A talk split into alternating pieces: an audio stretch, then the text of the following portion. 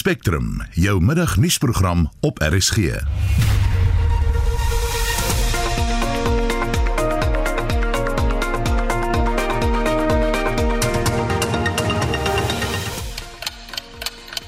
Jy het slegs 48 uur tyd om kommentaar te lewer op die voorgestelde regulasies oor die bestuur van die COVID-19 pandemie.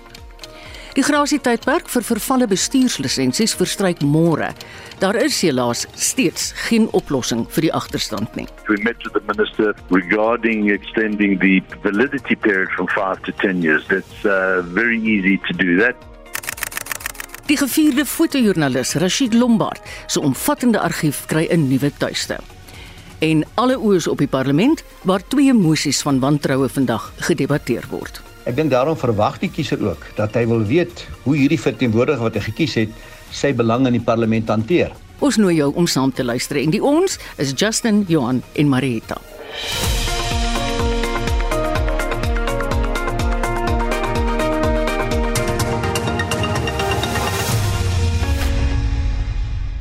Die voorgestelde regulasies oor die bestuur van die COVID-19 pandemie na die opheffing van die ramptoestand is gisterand in die Staatskoerant gepubliseer. Die publiek het nou 48 uur tyd om hierop te reageer. Die kommentaar sal dan oorweeg word voordat president Ramaphosa 'n aankondiging oor die ramptoestand doen. Maar sekere kenners meen die opheffing van die ramptoestand kom te laat. Ons praat nou hier oor met die dekaan van Geesteswetenskap aan die Akademie, professor Pieter Duvenage. Hallo Pieter. Goeiemôre Marieta. Wat is volgens jou die voor- en die nadele van die opheffing van die ramptoestand? Wel, die voordeel sal wees dat ons ontslae is van die ramptoestand. Jy weet en uh dit wil ons baie graag hê nou 2 jaar na die tyd en as mense dit ook ons kan dalk nou nou daaroor praat wat is die wêreldwye tendens? Maar die nadeel vir my is jy weet Marietta dat uh hier is nou weer 'n 48 periode uh, uur periode wat mense nou kan kommentaar lewer oor regulasies rondom Covid. En uh dit is in die eerste plek 'n bietjie kort. En tweedens weet mense wat is die plan? Wat is die agenda van die regering nou weer met hierdie regulasies nie?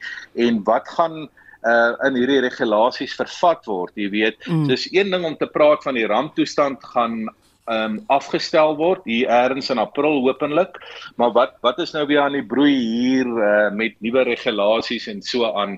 En uh jy weet ek dink dit vereis maar van ons almal burgers en uh ook instellings en organisasies in Suid-Afrika uh sterk waaksaamheid. Mm. mm. Pieter, dink jy die regering het te lank gesloer in die opheffing van die ramptoestand? Ek dink definitief so. Jy weet as mense net ehm um, kyk uh wat elders gebeur het, jy weet. Ehm mm. um, in ander lande nou ons kan by 'n ander vraag daarby uitkom. Dan dink ek ons het definitief te lank ges, ge, gesloer. Jy weet sedert November verlede jaar ehm um, is uh jy weet uh, as mens ook dink aan Desember, daar was uh jy weet baie bespiegelings dat die uh jy weet dat daar weer inperkings uh, ingestel sal word in Grendel staatssituasie en dit het glad nie plaasgevind nie. So ehm um, my gevoel is hierdie kom 'n bietjie te laat. Ja. Ehm um, jy weet as mens dink uh, wat elders gebeur het en jy weet dit is 'n uh, 'n tipe klimaat in 'n land. Jy weet ja. om 'n ramptoestand te hê, maar die omstandighede is van so 'n aard wat nie meer 'n ramptoestand regverdig nie. Jy het nou van elders gepraat. Kom ons vergelyk Suid-Afrika se situasie juis met ander lande. Wel, um, kyk, um, ek dink uh, die meeste van die luisteraars is daarvan bewus dat in baie lande is die dra van maskers nie eens meer nodig nie en dat selfs die ramptoestande lankal opgehef is. Jy weet as mense dit vergelyk met ander lande in die wêreld, uh, wat die die ramptoestande wat dalk daar was en dan uh, interessant, uh, Marietta, ook in Afrika, daar's 'n klomp Afrika lande wat al reeds hulle ramptoestande opgehef het en waar die verpligte dra van maskers ook verdwyn het. So uh, mens wonder as mens net uh weet vergelykend werk uh, met ons in situasies elders, waarom is dit so dat ons so lank sloer met hierdie dinge? Mm. Wanneer jy Pieter kan ons verwag as 'n mens nou dink daaraan dat daar is moontlik nog COVID-19 vla wat gaan opdaag? Wel, Marita, ek dink 'n mens ehm um, uh, sal elke golf maar op eie meriete moet beoordeel, maar dit lyk op die kort termyn of hierdie golwe nie so erg gaan wees nie, mm. dat dit baie dieselfde gaan wees as die vorige golf en dit beteken uh dat die ramptoestand eintlik ehm um, maar met groot genoe opgehef kan word. Die ding waaroor mense net natuurlik uh, 'n bietjie bekommerd is en soos ek gesê het reg aan die begin van ons gesprek is dat nuwe regulasies rondom COVID uitgevaardig kan word wat die plek kan inneem van sekere aspekte van die ramptoestand uh afkondiging of die die ja. wetgewing ja. daar rondom. En ek dink dit vereis dan waaksaamheid van van alle jy weet alle hmm. uh belanghebbendes in Suid-Afrika. Want in retrospek was daar dan 'n sekere van die reëlings wat verlede jaar ingestel is wat heeltemal heeltemal verregaande was.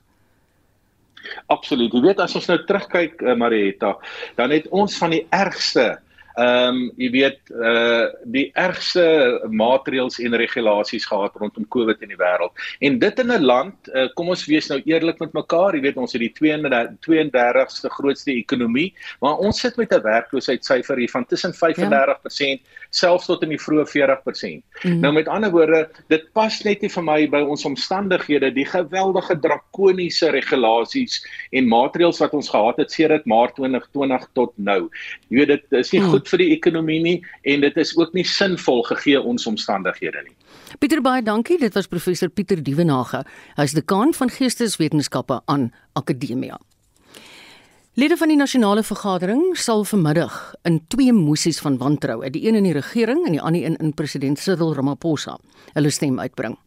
Die politieke kommentator Dr Pieter Mulder sê parlementslede word deur kiesers verkies om in die parlement op 'n oop, deursigtige wyse hulle belange te verteenwoordig. Hy het aan Hendrik Weingart verduidelik waarom daar soms meriete vir geheime stemmings is, soos in die geval van 'n mosie van wantroue in die president.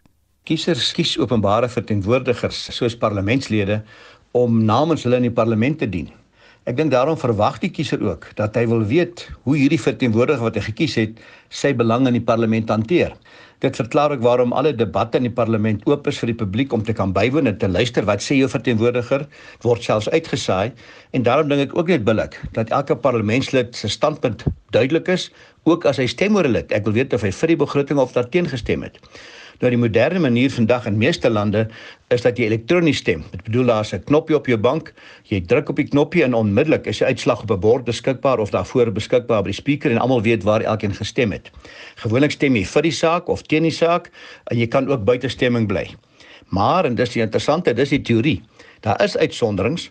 Ons grondwet bepaal bevoeld in byla 3 as die parlement oor die president stem of oor die speaker of oor die adjunct speaker dan moet dit 'n geheime stemming wees. Hoekom dit so bepaal, weet ek nie, maar staan vir die grondwet. Dan bring hulle stembusse in die parlement in en dan stem elke lid een vir een in die geheim. Daarom is dit korrek dat bes nou 'n saak kan maar uitmaak om te sê hierdie selfe parlement wat hom gekies het, het dalk nou vertroue in die president verloor. Hoekom moet dit nou 'n oop stemming wees as ons dan wantroue het en ons hom in die geheim gekies, kan ons hom waarskynlik in die geheim weer uitstem ook. Nou as jy terug onthou van die 6 wantrou mosies ek reg onthou die hoeveelheid teen Zuma, was daar een keer suksesvol geweest om 'n geheime stemming te kry en by daai geleentheid het 'n hele paar ANC-lede in die geheim teen hom gestem wat bang was om openbaar te stem. En dis die rede waarskynlik hoekom die ANC en 'n regerende party nie hou van geheime stemmings nie. Hy het beheer oor sy mense en kan sien waar elkeen stem. So ons dan vaar vandag se stemmery is nie so onskuldig nie. Die ATM wat eintlik met Zuma gekoppel is, hoop om die verdeeldheid in die ANC uit te buit met 'n geheime stemming dat mense kan stem die RET faksie een kant kan stem en dit het hulle lyk my nou nie geslaag nie en die DA argumenteer korrek dat die ministers hulle moet onttrek omdat daaroor hulle gestem word. Maar die dilemma is met 'n kabinet van amper 68 ministers as hulle almal onttrek, gaan die ANC verloor waarskynlik of naby aan hom kom. So ek dink geheime stemmings gaan waarskynlik nie plaasvind nie uit politieke oorwegings, noodwendig uit die teorie oorwegings nie. Dit was die politieke kommentator Dr Pieter Mulder, ook 'n oud parlementslid. En ons bly by die onderwerp, die DA wat die Ramaphosa moesie ingedien het. Het toestemming gekry dat die stemming deur die sogenaamde roll call metode geskied. Om die stemmery te help verduidelik, sluit die senior politieke joernalis Jan de Lange by ons aan. Goeiemôre Jan. Goeiemôre Marita. Hoe luisteraars? Dankie. Hoe word daar in die normale gang van sake in die parlement gestem, Jan? Gewoonlik toe die parlement en toe die nasionale vergadering nog voor voor die brand en voor die voor die uh voor die die COVID-19 aanpakkings en die hybride metodes moes almal wat in die parlement is elektronies stem die die, die speaker roep die stemming almal roep die mosie en almal wat daarvoor is moet daar stem en almal wat daar teen is moet daar stem en almal wat buite stemming is by buite stemming. En dan was dit elektronies dadelik duidelik wie watter watter parlementslid by name vir die mosie gestem het en watter daar teen. Mm, mm. En hierdie so, die COVID-19 regulasies ons toe ons hybride sittings gehad het mm. waar mense van huise af of of van, van reg oor die parlementslede reg oor die land sit uh het dit verander en toe is elke sweep sweep van elke party moes rekord hou van wie wie van sy lede in die in die raad is en as daar 'n stemming is dan stem die sweep namens die lede van elke party wat teenwoordig is. Mm. En dink jy dieselfde geld vir die komitee vergaderings as vir sittings van die nasionale vergadering en ook die nasionale raad van provinsies? Nee, in die komiteevergaderings kon hulle stem by, jy weet, die komitee is klein. Dis nie dis nie mm. dis nie veel ander mense nie, dis 15, 20 mense op die meeste en en die die voorsitter kan dit eenvoudig. Elke komitee het natuurlik ook 'n sweep of 'n studieleier. Ja. Uh wat wat wat namens hulle kan stem as as dit is wat nodig is, maar maar dit was maklik om om by wyse van van uh, stem wat daar dit te bepaal het was nie nodig om om so stil reëling te tref nie. Jan verduidelik vir ons asseblief die sogenaamde roll call waarvoor die DA nou toestemming gekry het. Ek weet nie of dit al ooit gebruik is nie. Omdat daar openlike duidelike maniere is of gebreke is aan die aan die stelsel wat gebruik is met uh, met hybride elektroniese vergaderings van nasionale vergadering. Jy weet, uh, mense weet nie hoeveel mense regtig in die vergadering is nie. Byvoorbeeld 'n uh, jaar of twee gelede was daar 'n stemming oor iets ek kan nie onthou presies wat nie, maar toe was dit nie baie duidelik hoeveel mense uh, mm. in die vergadering is nie, want dit is mm. elektronies. Mense weet dat daar 'n elektroniese platform, mense wag om aan te kom, mense gaan uit of hulle val af of so 'n onderbreking by die huis met hulle met hulle internetkonneksie. Hulle val af en so en dan is dit nie duidelik hoeveel daar is nie. So om daai om daai uh, fout fout faktor uit te skakel. Het die DA nou gevra vir 'n roll call metode en as ek reg onthou was die spreker al van tevore gesê as daar mense is wat sou voel hulle dan moet 'n roll call metode gehou word dan kan hulle daarvoor roep sy is oop om dit te hoor dit was nou natuurlik die vorige spreker van die Modise. Mm. mm. Um, om om seker te maak dat daar glad nie foute is nie dat elke part elke die die, die, die sekretaris van die van die van die parlement roep elke parlementslid se naam en dan moet hy sê vir wie stem hy en dit is nog nooit gedoen. Mm. So so jy sê um, dis 'n nuttige ding? Wel dit is dit is dit gaan baie tyd vat. Ja. Maar dit gaan dit gaan enige moontlikheid van foute uitskakel. Wat is volgens jou Jan die waarde van hierdie onderskeie emosies van wantroue vir die oppositiepartye wat dit voorstel?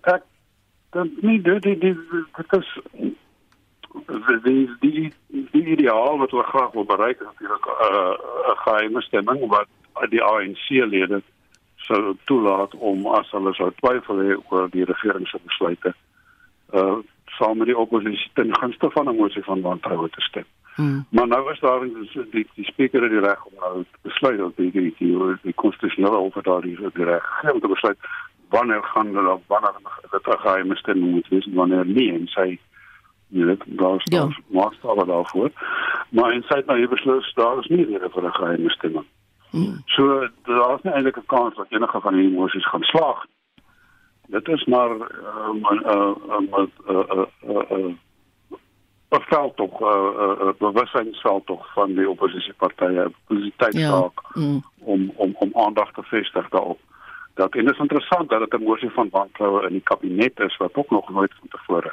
ja ja ingestel is mm. dit is dit terwyl dit nie 'n noodwendige mosie van wantroue die president is in die DA se geval mm. so as 'n mosie sou slaag dan moet die kabinet vervang word ja Jan baie dankie. Dit is Jan de Lange. Hy's rapport se senior politieke skrywer. Onder meer het hy ook in sy portefeulje die parlement waarna hy moet kyk en is ook 'n politieke rubriekskrywer. Jy's ingeskakel op Spectrum, dis op die oomblik op pad 19 minute oor 12. Die koste van die basiese voedselmandjie vir die algemene huishouding in Suid-Afrika het die afgelope jaar met R410 gestyg en jaag verbruikers nou 4450 'n maand uit die sak. In vergelyking met verlede maand is dit R95 meer vir presies dieselfde goedere. Madeleine Forsie berig verskeie maatskaplike organisasies is benoud want die rye word langer en hulle sakke is leer. Lucinda Evans, die direkteur van Filisa Abafatsi Beto in die Weskaap, sê ons geen twyfel dat die prysstygings gemeenskappe lam lê nie. Oor die laaste 8 weke het die totals gedriedubbel. Ons is diep diep bekommer dat mense wat gewoonlik hulle motors kon gery het, kan nie hulle motors ry nie. En dit is nie net ons te kombuisie. Ek weet ons het ons mense gerefer na die ander kitchens in die gemeenskap toe. Almal voel dit daar is nie genoeg kos nie. Sy sê hulle tydens vlak 5 van inperking 20 sopkombuise bestuur waar kos daagliks aan sowat 5 en 'n half duisend mense uitgedeel is. Die kombuise moes egter sluit weens 'n gebrek aan befondsing en die nood van vandag herinner haar aan daardie tye. Ons het nooit gedink ons gaan by die pad kom nie en nou soos op die oomblik sien, daar is soveel baie mense ons het nooit genoeg kos nie en dis hoekom ons na die ander kitchens toe gerefer het maar die ander kitchens bel vir ons en sê hulle kan dit ook nie maak nie. Voel jy dat mense se bereidwilligheid om te help besig is om te kwyn? Ek dink dit is 'n situasie waar mense nie meer wil help. Die lewe het so oornag duur geword. Dis hektiek. Dis regtig hektiek. Aan die Gautengse Wesrand is die nood net so erg. Melody van Brakel, die direkteur van die organisasie Cradle of Hope, sê die sielkundige impak op mense wat net nie meer kan byhou nie, is skrikwekkend. Nou is daar hierdie doodsheid, daar's hierdie hooploosheid. Dit voel vir ons of die mense verslaan is. En daar's ook 'n woede. Ons is absoluut oorval. Ons is verswelg. Die een man het vir my gesê, "Julle los ons ons vrek van die honger en Ek verstaan sy woede want hulle gaan regtig dood van die honger. Daar's gesinne wat ons help wat omtrent nou al al hulle ekstra meubels verkoop het. Sy sê van die huise wat hulle besoek het nie eens meer water of elektrisiteit nie omdat dit eenvoudig onbekostigbaar is. Maandagooggende deel ons 700 krisiskospakkies uit. Ons begin 6 uur uitdeel en die mense staan al van 5 uur maandagooggend is al in die ry. Ons het gisteraand 'n vergadering gehad om dit op te vat na 750 kospakkies toe. Dis op die oomblik ook skoolvakansie. So daar's vreeslik baie kinders wat na ons gekom wat honger is want hulle het nie ontbyt gehad nie. Die skole is toe, so die voedingsskemas is toe. Die stygings in pryse bemoeilik boonop ook hulle vermoë om die gemeenskap te help mieliemeel. Op hierdie stadium kan ons as ons 'n ton mieliemeel 'n dag kon kry, kon ons dit versprei. Dit is absolute nood. Eiers wat altyd 'n arm mense kos was, word nou amper 'n luukse. Ons koop elke dag 250 brode. Die pryse het 'n maand en 'n half terug opgegaan met 'n rand 'n brood en ek verwag nou enige dag weer 'n prysstyging. Ons brood kos ons R13000 'n week krisiskospakkies kos ons R30000 'n week. Woensdae maak ons 200 liter redi. Die mense loop 8 km na ons toe want hulle is honger. Mervin Abrams, die projekkoördineerder vir die Pieter Maritzburg groep vir ekonomiese geregtigheid en menswaardigheid, sê ekonomiese herstrukturering is nodig om 'n buffer te skep vir die gemeenskappe en organisasies in moeilike tye.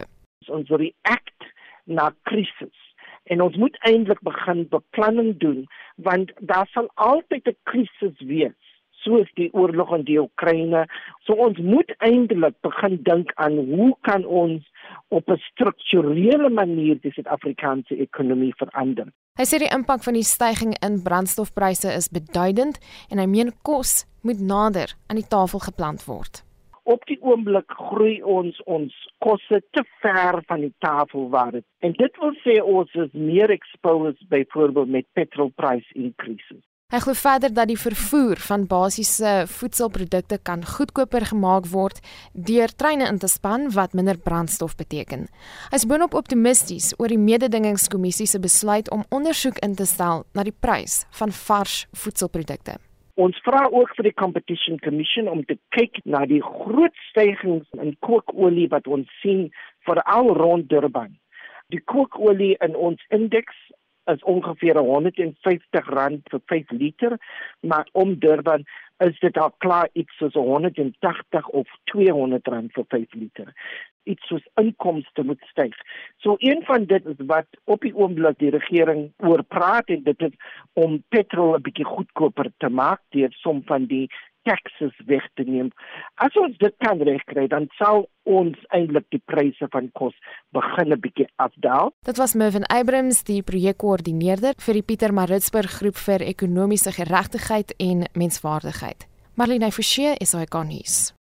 Net soos wat daar mense is wat nie basiese behoeftes kan bekostig nie, is daar diegene wat kniediep in die skuld is.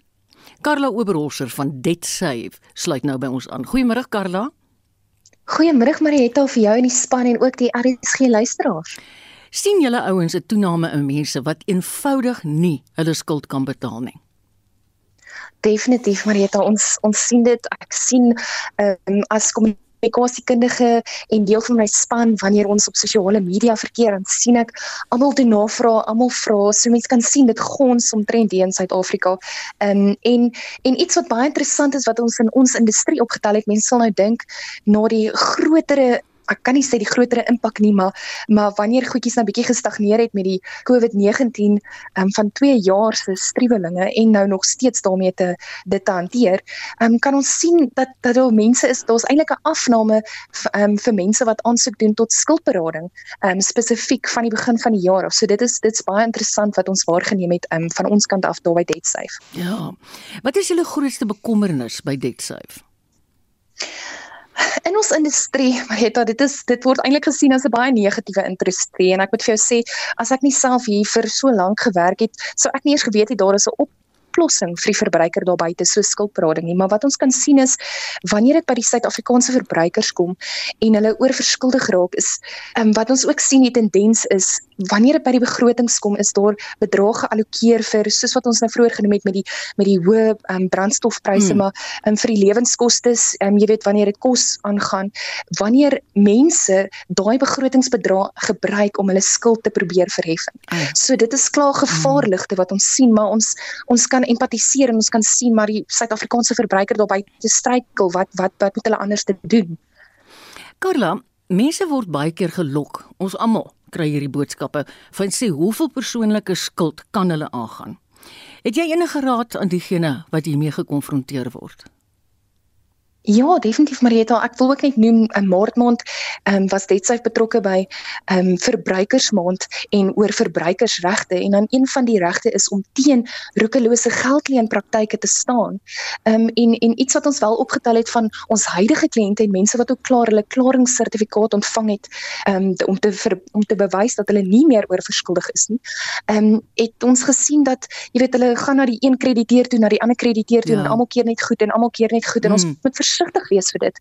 Ons as verbruikers het ook die verantwoordelikheid om te weet, kan ek hierdie skuld bekostig? Het ek my begroting nagegaan om te kyk waar staan die spanderingslekasies mm. wat ek nie kan uitsny nie en selfs wanneer dit nie eers by kredietooreenkomste kom nie. Jy weet my industrie is nou net oor kredietooreenkomste, maar wanneer dit by ehm um, diensooreenkomste kom soos jou foonkontrak. Mm. Ek het byvoorbeeld agtergekom maar ek self kan van volgende maand af as ek net al hierdie skuwe maak, ehm um, byvoorbeeld met een kontrak kan ek 300 'n maand spaar. Ja. En en dit is baie mense moenie mm. mense moenie dink hierdie R50 hier en die R20 daar en hierdie 200 300 daar gaan nie 'n verskil maak nie. Dit gaan. Want ons het nou net genoem oor jy weet die die ramptoestand wat nou nog nie ehm um, uitgeklaar is nie en en die kospryse en die brandstofpryse ja. en ek weet die AA die AA veg ook teen die brandstofpryse wat so belaglik geraak het.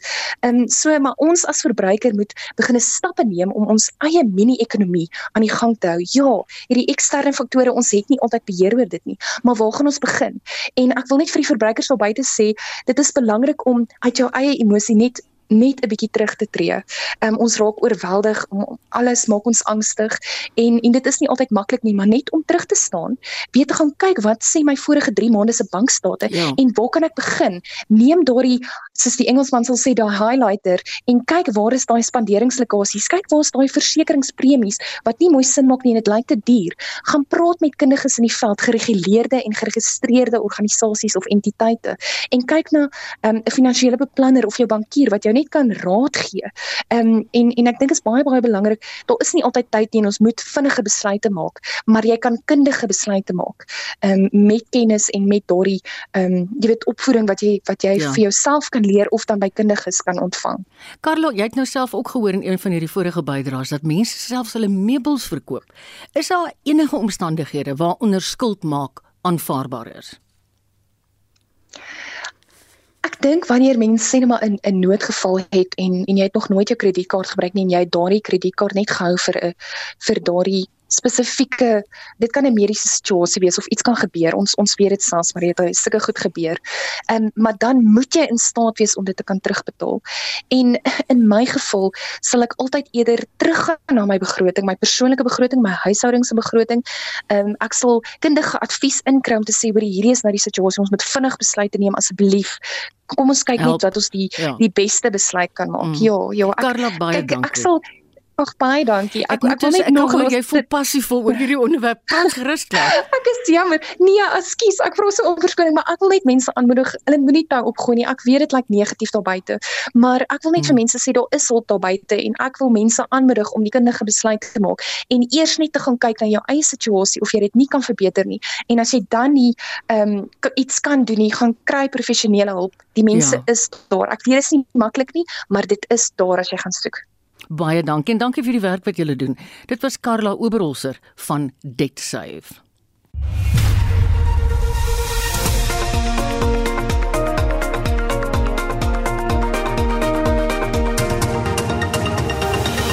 License and registration. Uh, officer, I know that. Uh, License and registration, please. It's registration.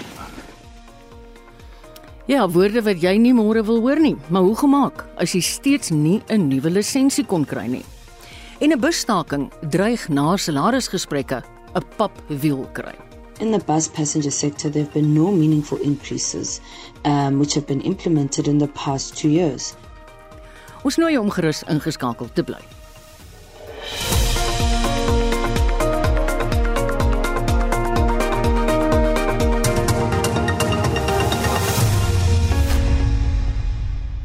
Ons bly verkeer en motoriste. Die spertyd vir motoriste om hulle bestuurderslisensiekaarte wat verval het te hernie, verstryk môre.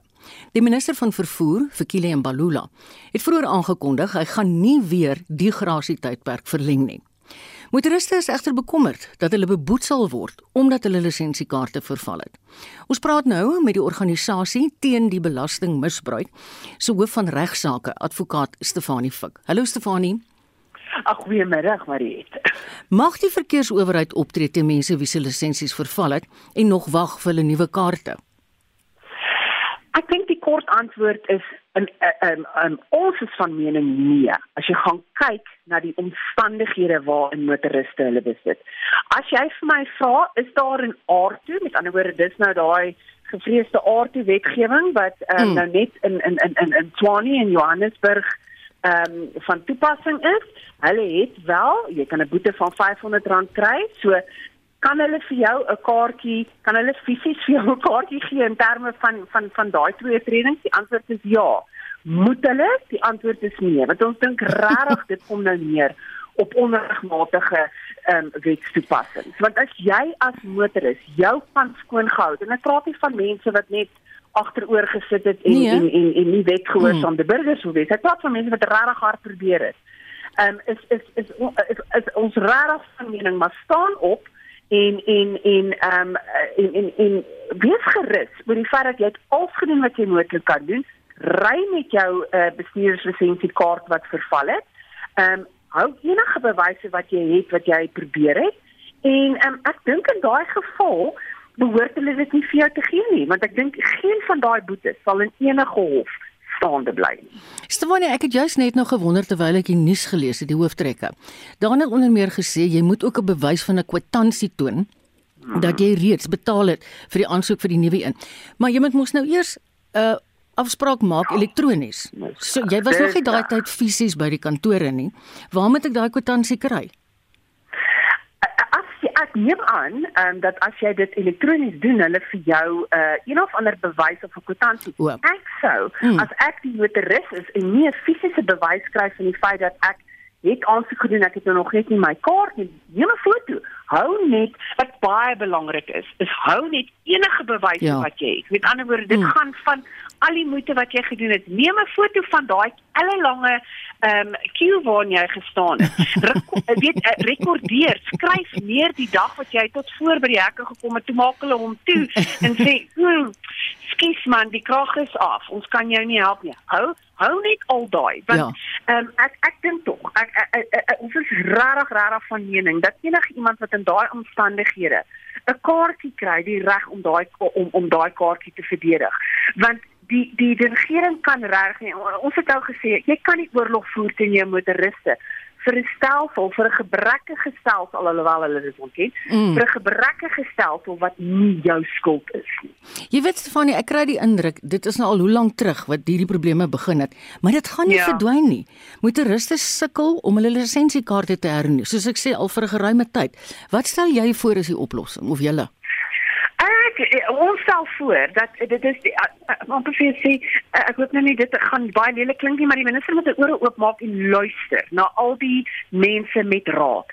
Ten spyte van die feit dat soveel mense moedeloos is en ons kan dit nie doen nie en die die die die die ehm um, daar daar is net nie diens nie. Ek Mm. kan nie kla oor die diens nie want daar is eintlik nie. Dit as hulle net hulle ore ehm um, uitleen aan besigheid, aan mense met idees dat hulle definitief die stelsel kan verbeter. Hulle moet luister na die feit dat daar dat dat dat hulle het nie genoeg mense in hulle hulle sê nou in hulle senters nie. Hulle sê dat die senters is oop tot wie weet watter tyd. As jy nie 'n uh, uh, kan boek op 'n stelsel um, wat wat seker maak daar's nie korrupsie nie, Mm. gaan jy nooit eens by die sentrum uitkom nie. Maak nie saak wat hulle kantoorure is nie. So daar's soveel um, blokkies en stukkies in hierdie Ja. stelsel wat wat nie werk nie en ek dink dit kan werk as ons as as die regering net regtig gaan luister bietjie na die privaat sektor en en kyk hoe mense hierdie stelsel kan kan regmaak. Ek meen gemaak nates reg sodat daar nie duplikasie ja. op is nie Mm. en al daai en spandeer tyd want jy jy gaan nou agter mense aan vir boetes. Ons um, wetstoepassing op meer ernstige misdrywe uh, uh, uh, laat ook veel te wense oor. So dink die hele departement het 'n oor overall nodig as ek dit so kan sê. Administratiewelik en dan ten opsigte van wetstoepassing. Want sjoe, as ons nou by 'n punt gekom het waar jy druk letterlik die laaste druppel bloed uit 'n arme motoris wat sy bes te probeer, dan moet ons opstaan. Dan moet Ja. ons sê tot hier toe en nie Mm. verder nie. Baie dankie Stefanie. Ons het gepraat met Outa se hoof van regsaake, Stefanie Fik.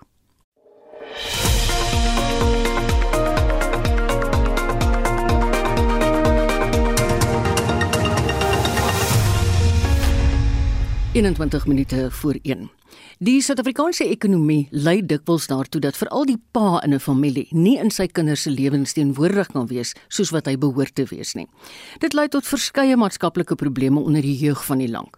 Dit is vandag se gesprekstema by die KAKNK se diskoersreeks. Iwer Swarts, outeur van die boek Verlore seun van die gaaitjie, was een van die sprekers oor die kwessie en ons praat nou met Iwer. Goeiemôre Iwer. Hoe gaan dit? Goed en jy? Goed, ek kan nie kla nie. Dis goed. nie. Hoe groot is die impak van die afwesigheid van die vaderfiguur in families in ons land? Dit is baie baie groter as wat ons as wat as wat ons dink. Ehm um, die die die statistieke sê daar is uh, daar's omtrent 60% van van kinders wat wat onder 18 is wat sonder 'n pa groot word in in ons land. Hulle sê in in, in swart gesinne is daar 35% kinders wat 'n pa teenwoordig het. 50% van bruin kinders wat 'n pa teenwoordig het en omtrent 80% van blanke kinders wat 'n pa um, teenwoordig het.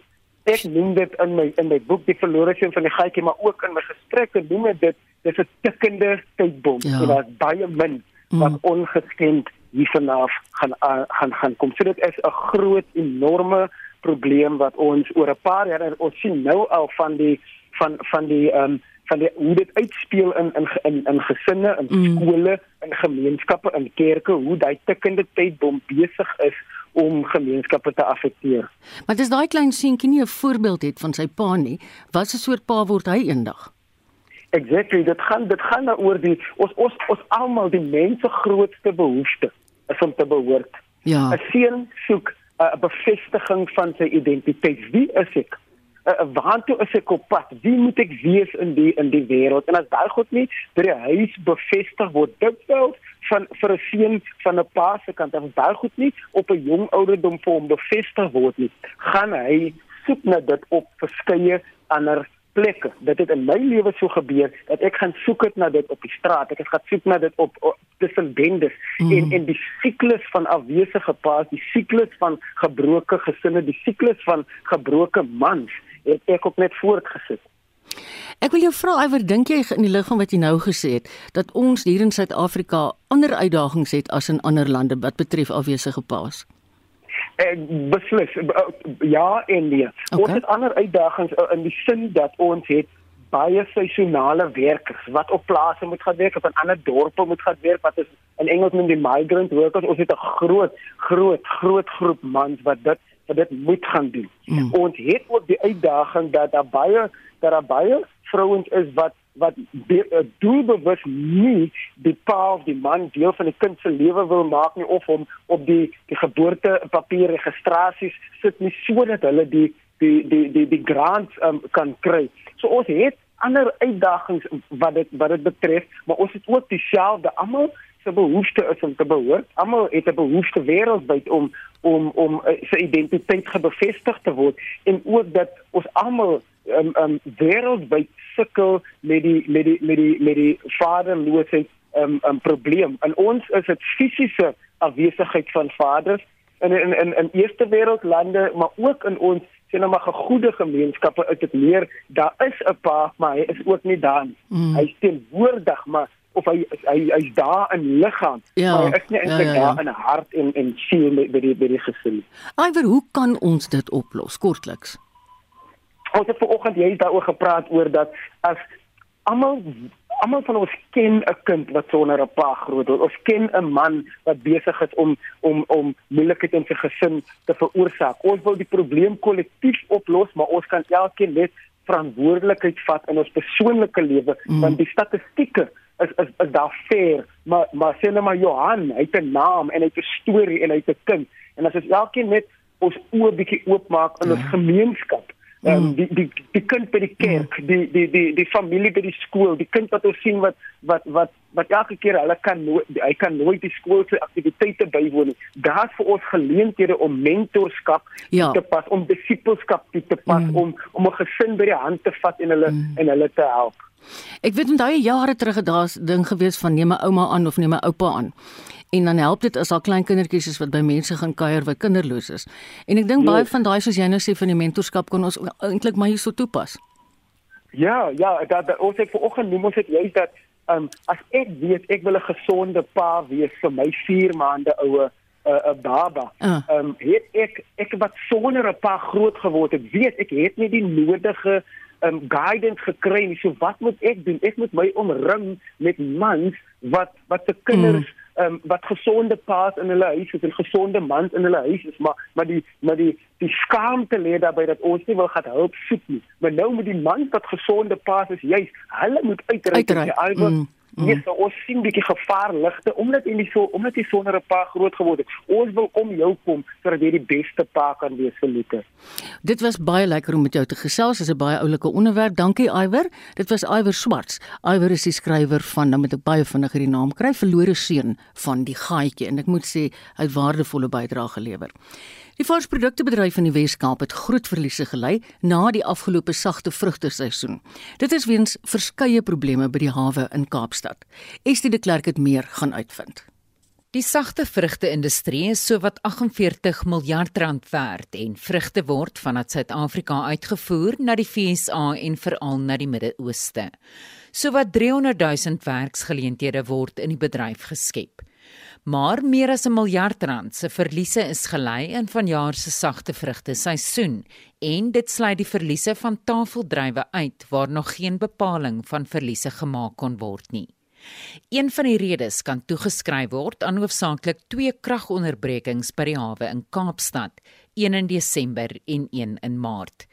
Die operasionele bestuurder van die sagte vrugte uitvoerdersforum, Werner van Rooyen, sê die bedryf het vele uitdagings hierdie seisoen ervaar. Vroeg in Desember het die Fresh Produce Exporters Forum direk met Transnet bestuur geskakel en aangedui dat die terminaal volgehoue lae produktiwiteit vlakke handhaaf. En hierdie lae produktiwiteit was kommerwekkend gegee die industrie se vooruitsig van nog 'n hoë sagte vrugte oes wat met Transnet gedeel was voor die seisoen. Boonop was daar ook die stormomstandighede in Desember wat skade veroorsaak het aan kragsubstasies rondom Kaapstad. En dit het die gevolg gehad dat vrugte um, houers wat verkoelde houers is in Kaapstad daar sonder krag gelaat is vir omtrent 'n periode van 36 uur.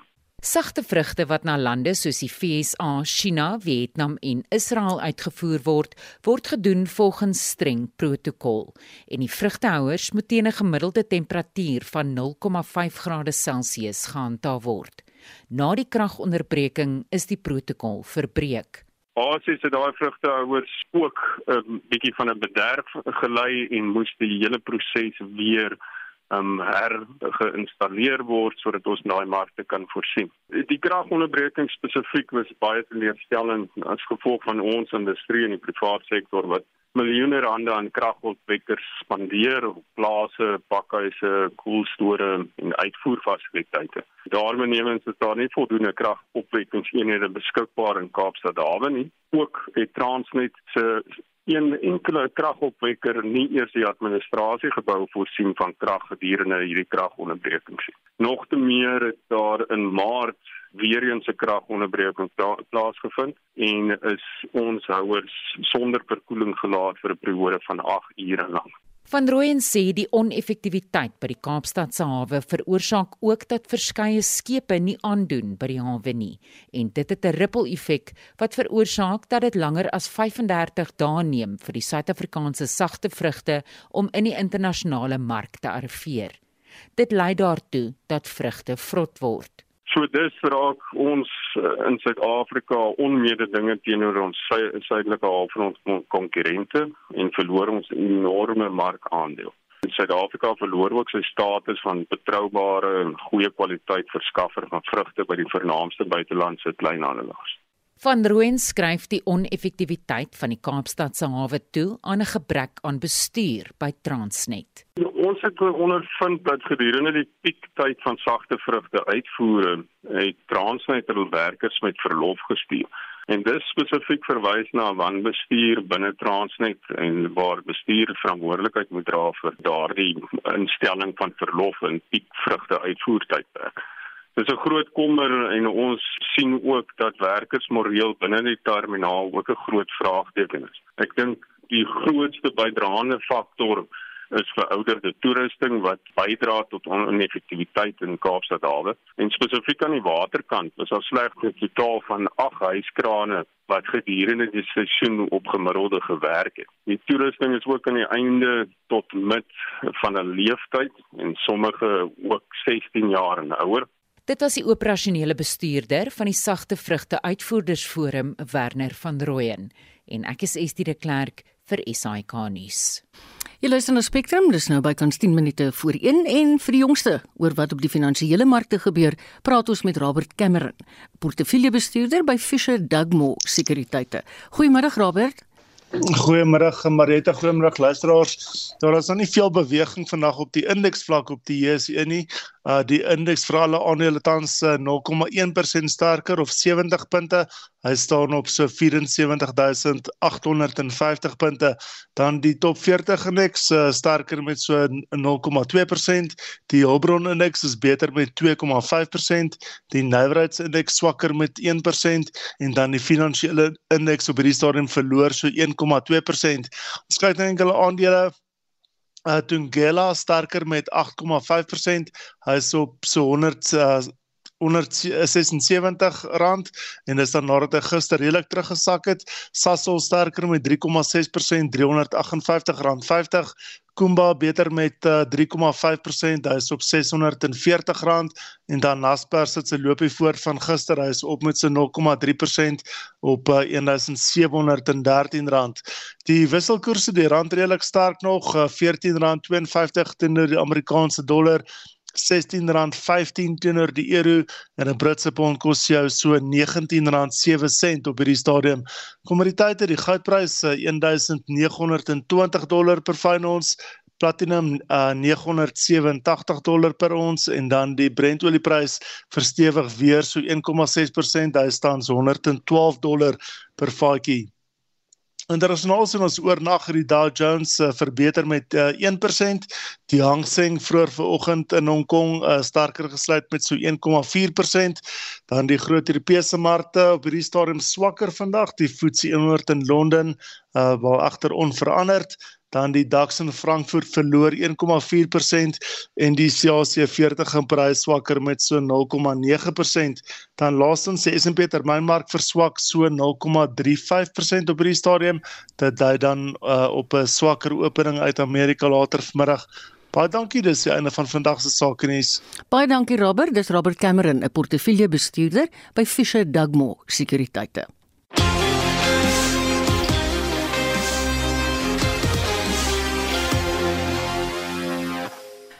Suid-Afrika se nasionale sokkerspan, Bafana Bafana, het gisterand 'n losing van 0-5 in 'n vriendskapswedstryd teen die Franse op die lyf geloop. Hieroor word die span vandag behoorlik op sosiale media gespot en die hele saak word betreur. Ons praat nou met die Bafana legende, Mark Williams, 'n lid van die Droomspan wat in 1996 die Afrika Nasies beker gewen het. Goeiemôre, Mark. Ah, goeiemôre en baie dankie om dit op die eerste radio um, Afrikaan radiostasie. ek wil asseblief vir jou vra, volgens jou, hoe het Bafana gevaar? Ja, kyk, um, vir my ek het ek het al kyk tot ek dink tot die eerste helfte. Ah. En um, you know, daar was 'n bietjie baie mistakes wat hulle gemaak het. Miskien die nerves het 'n bietjie ingeskop. Want onthou dit is die eerste keer wat hulle so speel met 'n stadion wat so uh, baie mense is. Die stadion was pek pek pek. Maar kyk my maar niks daarvan weet wat die wat ek uh, like van die World Champions Frans. Van die uh, vletjie begin te blaas, het hulle gespeel en hulle af uitgehaal.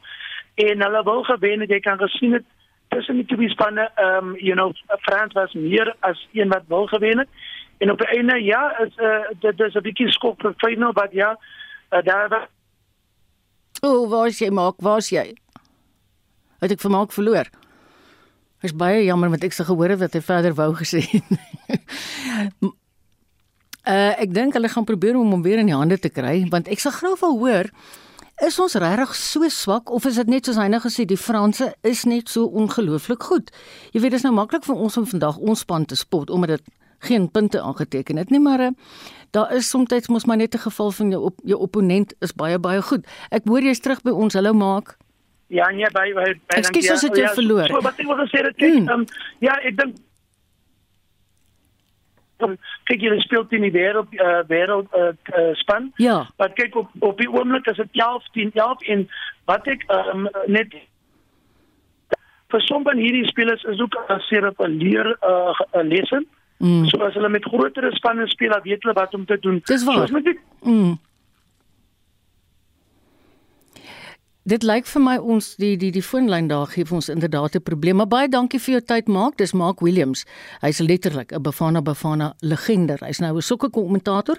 Hy's ook die skrywer van die outobiografie From Gangster to Soccer Legend.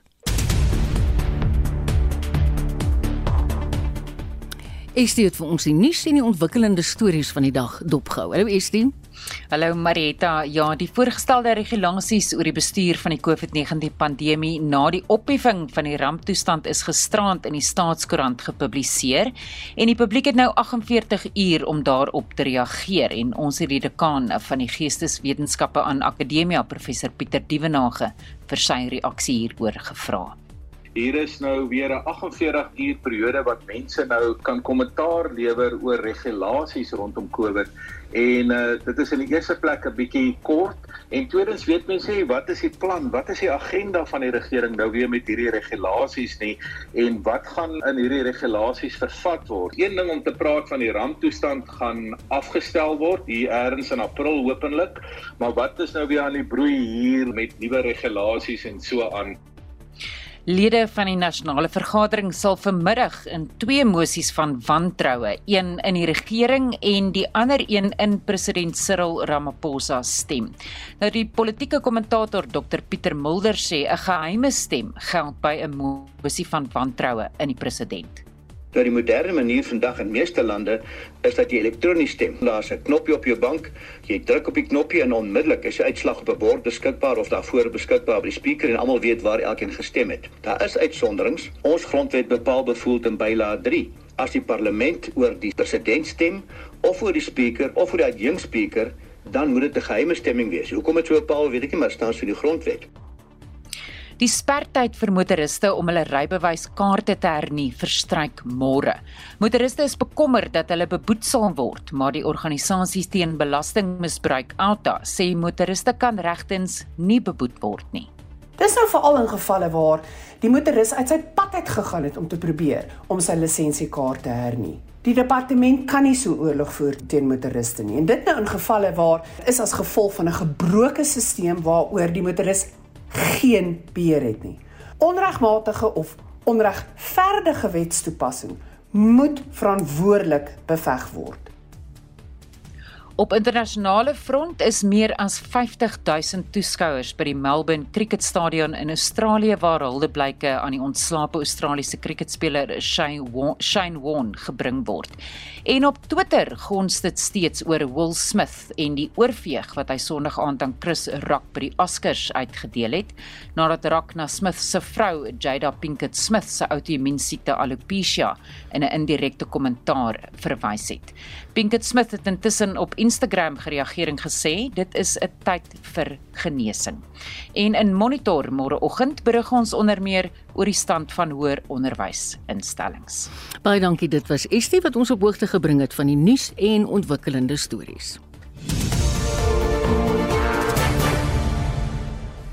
En daarmee kom ons aan die einde van vandag se uitsending van Spectrum. Ek hoop jy het dit interessant gevind soos wat ons dit gevind het om dit vir jou te bring.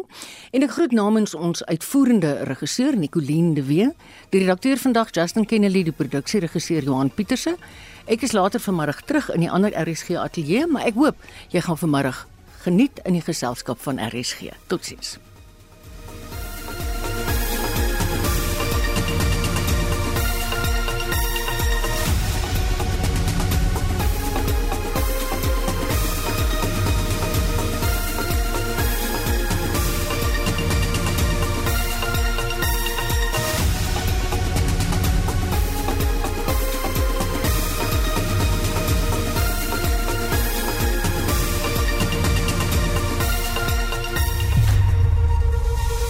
SAK nuus. Onafhanklik, onpartydig.